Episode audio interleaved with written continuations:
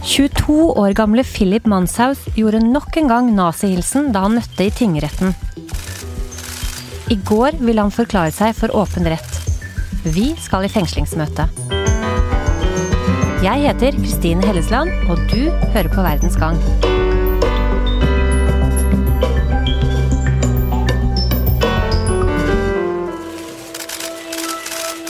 Mandag morgen 4. november.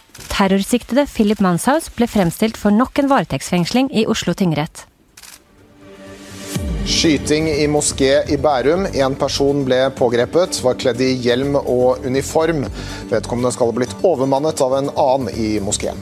Lørdag ettermiddag 10. august publiserer Philip Manshaus et innlegg på nettforumet Nchan. Det varsles et angrep for å øke rasekrigen. Det er lagt inn lenke til en billedpakke og Facebook. Han påpeker irritert at han ikke får livestreamen til å virke. Da Philip Manshaus kom inn til rettssalen i går, hadde han på seg en grå dress, hvit skjorte og et blått slips med hvite prikker. 22-åringen gjorde nok en gang nazihilsen før han tok plass mellom sine forsvarere. I hendene bar Manshaus flere håndskrevne papirer som lå samlet i en plastmappe. Jarle Brenna er krimjournalist i VG.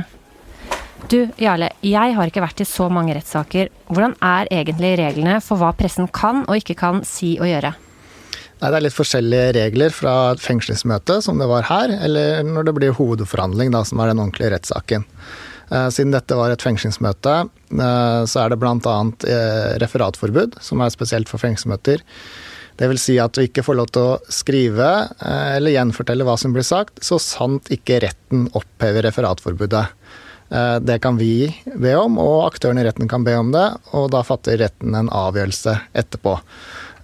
Som ble gjort i det tilfellet her, men da mens fengslingsmøtet pågår, så gjelder fortsatt referatforbudet. Den, den beslutningen blir fatta etterpå. Det er også regler om fotografering av siktede.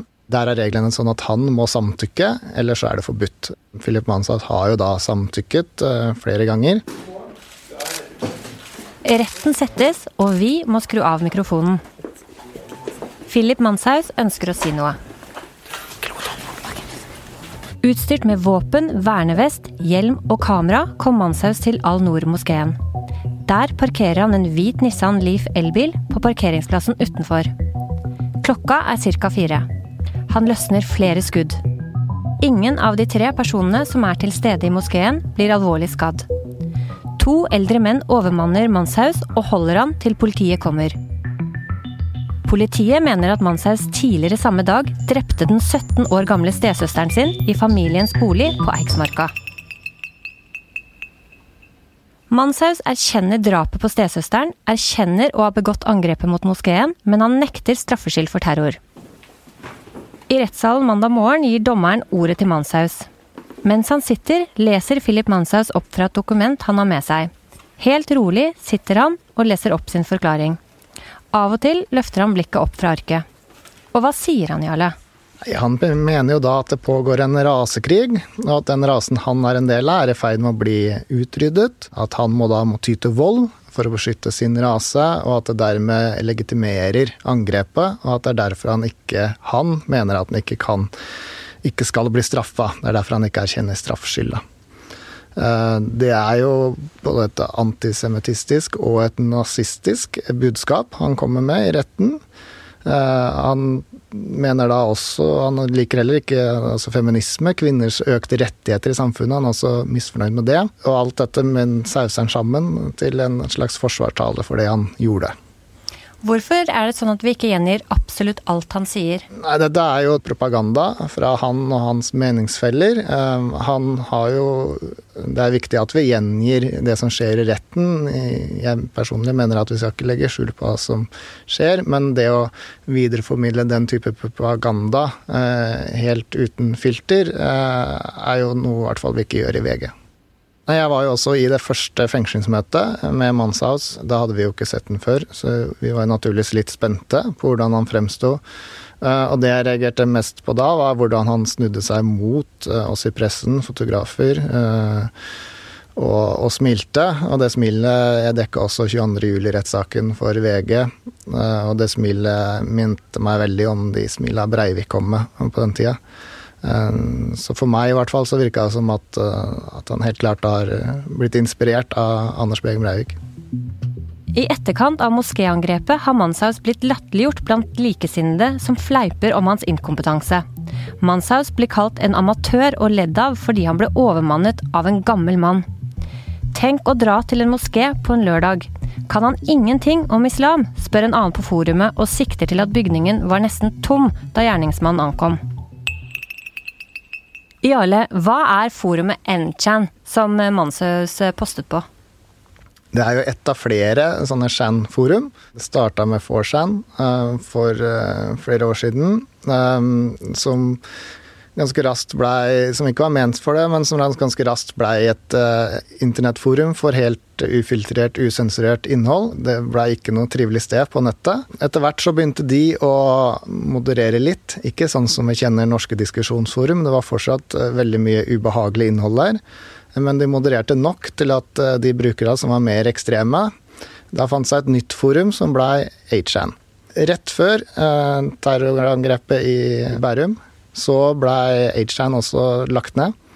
Eh, og da blei gikk man til NChan, som, eh, som da Manshaus brukte. Og hva er innholdet på disse nettforumene? Hvem er det som er der?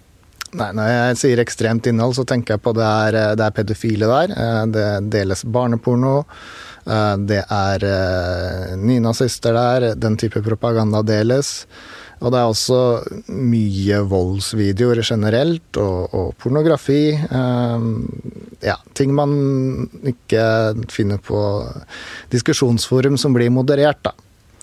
Og hva var det Mansa selv hadde lagt ut eh, på et av disse forumene rett før angrepet i august?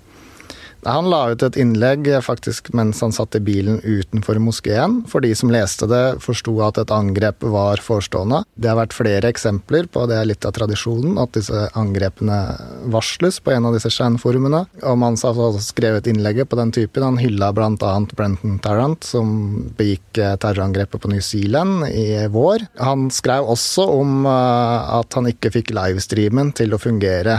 Eh, det så vi også i angrepet på New Zealand, at det ble sendt direkte på Facebook. Eh, Manshaus forsøkte det, og det har også politiet senere funnet bevis for. Ikke bare det at han skrev det, men han hadde med seg et webkamera. Og man mener også at angrepet kan ha blitt noe forsinka fordi han tukla med det kameraet. Philip Manshaus ble mandag varetektsfengslet i fire nye uker. Denne gangen uten restriksjoner. Eh, det er jo han glad for på den måten at han da gis mulighet til å ha en annen type kontakt med, med de han ønsker å ha kontakt med, f.eks. sine nærmeste. Eh, og det tenker jeg var naturlig nå. Det skal jo ikke være noen restriksjoner når det ikke lenger er bevisforspillelsesfare. Sa hans advokat Unni Friis. På torsdag kommer svaret på den rettspsykiatriske undersøkelsen. Hva vil det si? Det har vært oppnevnt tre eksperter som skulle gjennomføre denne undersøkelsen. Det er eh, Anne Lill Ørbekk, Helge Haugerud og Rita Lyngved.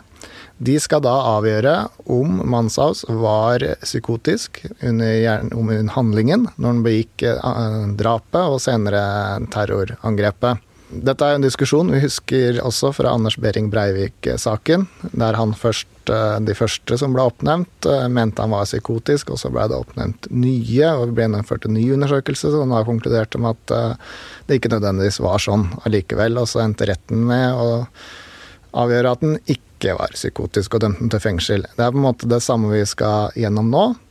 Og da Reglene er jo sånn for at hvis du er psykotisk, så skal du ikke kunne straffes, fordi at du da ikke veit hva du gjorde. Uh, veldig folkelig sagt så er det sånn. Um, og det de undersøker da, når jeg har en psykose, det er jo om du har noen hallusinasjoner, eller vrangforestillinger, da. At du, er, at du hører stemmer og den type ting. Og at f.eks. typisk er at noen begår en handling fordi noen inni hodet dem forteller at de skal gjøre det. Eh, basert på det Manshaus har forklart i retten i dag, så vet vi at det var ikke hans motiv. Han eh, mener at det foregår en rasekrig, som ligner litt eh, det Breivik sa, der de først oppnevnte mente at det var en tvangslidelse, det foregår ikke noen rasekrig, vi er ikke i fare for å bli utrydda. Det var en del av argumentasjonen deres, som senere det var mye diskusjon om det da i 22. juli-saken, der andre mente at ja, men dette er veldig vanlige holdninger som mange på nettet og i, i ekstreme miljøer har, da. Takk, Jarle, for at du var med oss i dag. Verdens gang er laget av Emilie Hall Torp, Tor Erling Tømt Ruud og meg, Kristine Hellesland. Teknisk produsent er Magne Antonsen.